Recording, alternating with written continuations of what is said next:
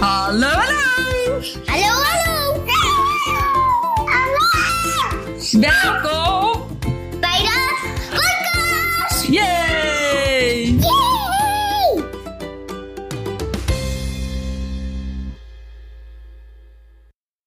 Hallo. Weer een nieuwe podcast. Nu had ik er wel over nagedacht. Vorige keer was twee weken geleden. Maar maakt het niet uit. Dit keer denk ik een korte. Maar dat zeg ik wel vaker en dan wordt het nog lang. Rij nu echt net bij de huisarts vandaan. Uh, mijn Lucrin-injectie uh, zit er weer in. En we moeten nu dadelijk nog één keer voor een maand. En dan daarna gaan we naar uh, één keer per drie maanden. Want eigenlijk moet ik eerlijk zeggen, het gaat er wel goed. Ik heb er niet heel veel last van volgens mij.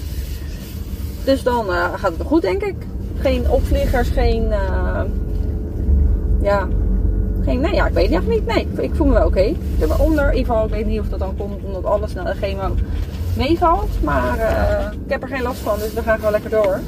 En dan heb ik. Uh, nou, ergens over twee weken volgens mij even uit mijn hoofd een afspraak met het ziekenhuis weer. Om dan het tamoxifen te starten. Dus vanochtend was ik bij het Alreina. En ik had voor mezelf al besloten dat ik volledig naar het AVL ga. Vond ik ergens, heb ik ook wel eerder een keertje gedeeld, vond ik ook ergens lastig. Om dat dan te zeggen, omdat je dan niet uh, dat iemand wil kwetsen, denk of zo. Nou ja, het staat ook net nergens op natuurlijk, want die arts die heeft genoeg patiënten. Ik had echt gisteren belde de medische psycholoog nog eventjes op om het af te sluiten. Omdat het gewoon, ja, het gaat gewoon eigenlijk goed. En toen zei ze ook van, ja, weet je... Uh, ja, met de een heb je nou eenmaal wel een klik en met de ander niet. Dat heb je ook gewoon met mensen onderling. En het is oké als je dat dan dus blijkbaar niet met deze arts hebt. Dus dat is ook gewoon oké natuurlijk. Maar ik vond dat op een of andere manier zat dan toch altijd lastig om te zeggen. Dus ik was daar toen, uh, nou, gezegd inderdaad dat ik het liefst uh, naar het AVL helemaal overga. Ook omdat hun gewoon qua controles doen ze wel altijd een MRI en doet het Alreine niet. Dus buiten het feit omdat ik misschien niet helemaal een klik heb met de arts. Uh, ook de de, ja, de nakontrole vind ik dan eigenlijk beter bij het AVL dan bij het Alreina. En het is in principe nu alleen maar Lucrin-injectie en tamoxifen en dan um, ja, die, en die controles, die MRI's of weet ik veel wat ze doen. Hebben dan ergens eind augustus, nou ja, ik weet ook niet precies, ergens eind augustus word ik dan weer opgeroepen voor de MRI.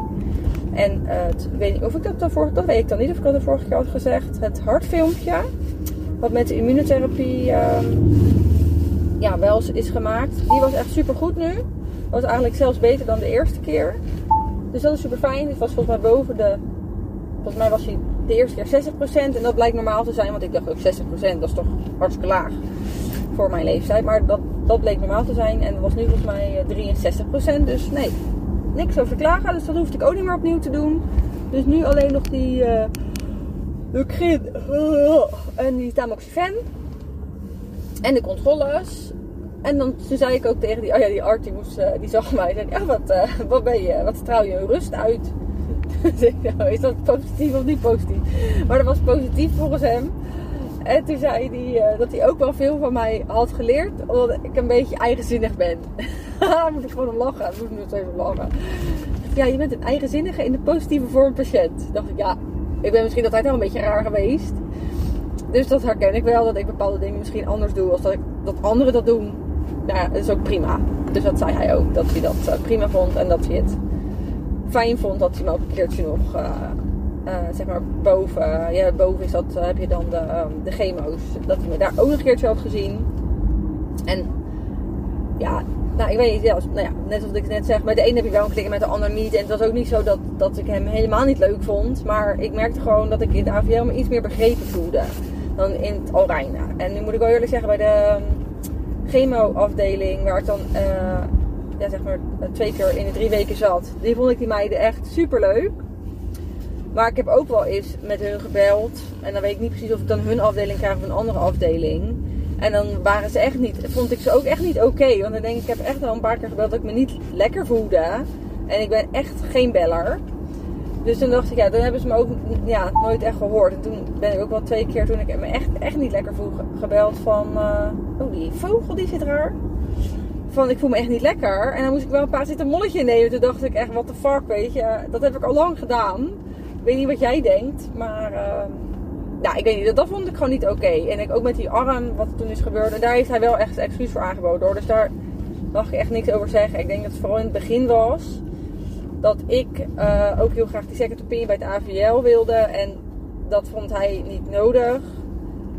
Nou ja, ik, weet, ik, voel het gewoon een soort van als een beetje een concurrentieding. Terwijl ik dan denk, ja, maar ja, misschien snap ik dat ook wel als arts zijnde. Maar als patiënt zijnde wil je gewoon even horen of iemand anders, een ander ziekenhuis dat ook zo zou doen. En als een ander ziekenhuis dat niet zo zou doen, dat je ook gewoon vrij erin bent door alle opties gewoon te horen en daar dan een keuze in te maken. En niet één keuze te krijgen en het daar maar mee doen. Nou ja, dat, dat vond ik gewoon niet helemaal oké. Dus mijn moeder was even naar het eh, ziekenhuis gereden. Dat ze even met Roos een bakje kon doen in het Leidse Hout. Die ligt nu lekker helemaal voor Pampus. Toen ik daar klaar was. Dus dit ges- eindgesprek vond ik wel super leuk hoor. Dacht, oh ja, grappig dat hij mij dan eigen- eigenzinnig noemt. Maar eh, dat ben ik misschien ook wel. Geen idee. Dus ook prima dat ik dat ben. En toen ben ik met Roos naar de apotheek gereden. Hebben de Lucrin-injectie opgehaald. Ja, ik weet niet. Die, die apotheek daar, nou, dat is ook dus een beetje daarmee in eerste instantie in de klins geraakt. Ik snap dan niet. Ik heb zelf in de apotheek gewerkt. Voor de mensen die, die mij nog niet zo goed kennen. Ik heb zelf heel lang als apothekersassistent en daarna als farmaceutische in de apotheek gewerkt. In een openbare apotheek.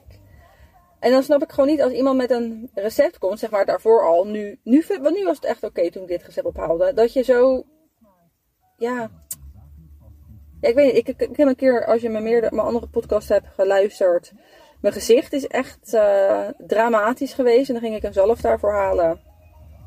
En dan waren ze gewoon, ja, is niet leverbaar. Oké, dan heb ik het morgen. Nou, dat, dat kan hè, want ik weet zelf hoe vervelend het is. En ik volg de ontwikkelingen van de apotheek. En ik, ik, nou ja, ik zit daar echt nog wel in. Dus dat is geen probleem. Nou, vervolgens kom ik de dag daarna. Is het er niet? Dan denk ik, dan bel je mij. Dan bel je me op dat het er niet is. Of weet ik veel. Ik vraag, ik zeg, het is hartstikke belangrijk voor mij. Je ziet aan mijn gezicht dat ik er echt niet uitzie.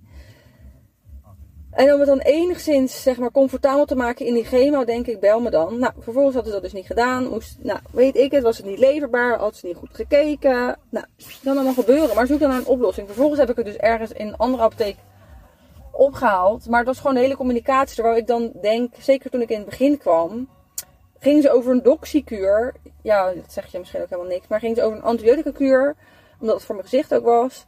Gingen ze daar een soort van een discussie over houden achter die balie. En toen dacht ik echt, ja maar die hele antibiotica kuur is helemaal niet het belangrijkste. Weet je, die chemo is het belangrijkste. Dus hoe kan je nou een mega discussie gaan houden over een antibiotica kuur? Terwijl je dan, kijk, dus ik had toen ook gevraagd, heb je wel verder gekeken in je systeem? Want van mij mag je alles openzetten. En toen zei ze ja, maar dat heb ze dus gewoon niet gedaan. En dan denk ik een beetje menselijkheid of gewoon een beetje wat meer begrip. Want ik kwam later in, in een andere apotheek. En die vrouw was gewoon zo anders qua communicatie. Toen dacht ik, ja, weet je, dit is nou gewoon het stukje menselijkheid die ik dan zoek op dat moment. Dat je gewoon inderdaad even gehoord voelt. En dat hun aan bepaalde dingen niks aan kunnen doen, dat snap ik, dat weet ik. Maar gewoon dat stukje even, dat medeleven of dat, dat stukje gewoon even luisteren naar iemand. Dacht, oh dat miste ik. En dat mis ik echt wel een beetje in deze apotheek. En nu moet ik heel eerlijk zeggen, nu kwam ik de Lucrin halen. En toen wilden ze me meteen ook drie stuks meegeven. Die dingen zijn, nou ja, even kijken of ik kan zien hoe duur ze zijn. Nee, kan ik niet zien. Maar die dingen zijn best wel duur. Ik denk dat ze zo 350 euro de stuk zijn, die injecties. En zeg ik, ga je me nu alle drie meegeven? Want ik weet helemaal niet of ik er goed op reageer. Zegt ze, oh ja, ja, maar er staat hier dat je het al hebt gehad. Ja, ook echt, er staat hier dat je het al hebt gehad in het ziekenhuis. Nee, dat is niet waar. Ik heb het niet gehad. Oh, nou, de apotheker die zet dat hierop. Nou, denk ik, heeft, heeft de apotheker daar verstand van? Of heb ik daar dan verstand van? Of ik hem al in mijn bil heb gekregen of niet? Nou, weet je, dat soort kleine dingetjes. Dus heeft ze me uiteindelijk eentje meegegeven. Omdat ik dacht, ja, ik ga toch niet 350 euro dan in de, of 700 euro in de prullenbak gooien. Als ik het niet meer wil. Als ik alleen op de tamoxifen ga zitten. Nou ja, dat soort kleine dingetjes, dan denk ik, oh ja, je snapt het niet. En nu kwam ik om hem op te halen, want ik laat ze dan meestal daar liggen. Zegt ze van nee, ja, ze zijn niet leverbaar.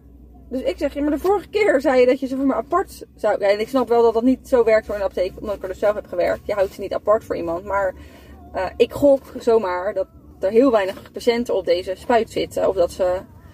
Uh, Tamoxifen trouwens wel, dat heb ik ook heel veel zien, zien gaan. Maar Lucrin, de één keer per maand injecties gaan niet zo hard. Of er moet net ook toevallig iemand zijn, dat kan hè, dus dat kan.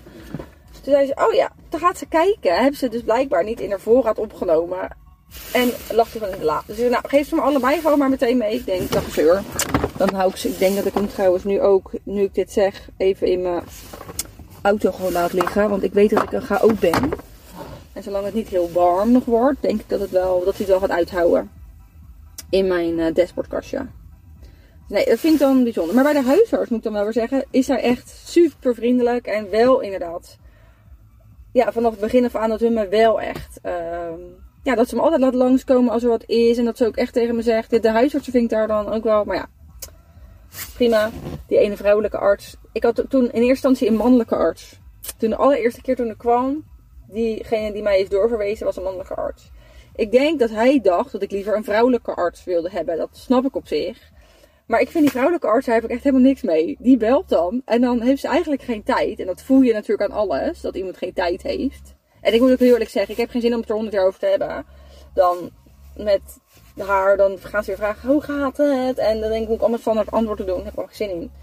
Dus je merkt heel erg aan haar dat zij dan ook niet zo goed raad weet met mij. Dus dat we echt totaal geen klik hebben. Maar met de doktersassistenten, ja, die zijn echt heel fijn. Want ik kwam net helemaal over eh hit uh, aangerest. Zeg ze, oh joh, doe lekker chill. Ik eh, ga even plassen nog. En dan, eh, dan komt het wel. Want ze had nog iemand in de wachtkamer. Dus helemaal prima.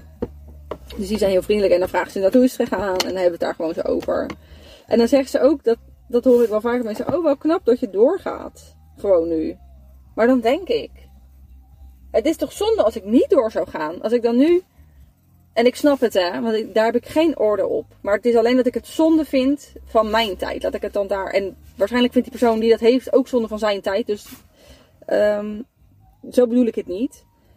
Maar ik denk, het zou toch stom zijn als ik dan nu thuis ga zitten en ga, ga denken: oh kut, wat nou als ik dood had gegaan? Want dat ben ik niet.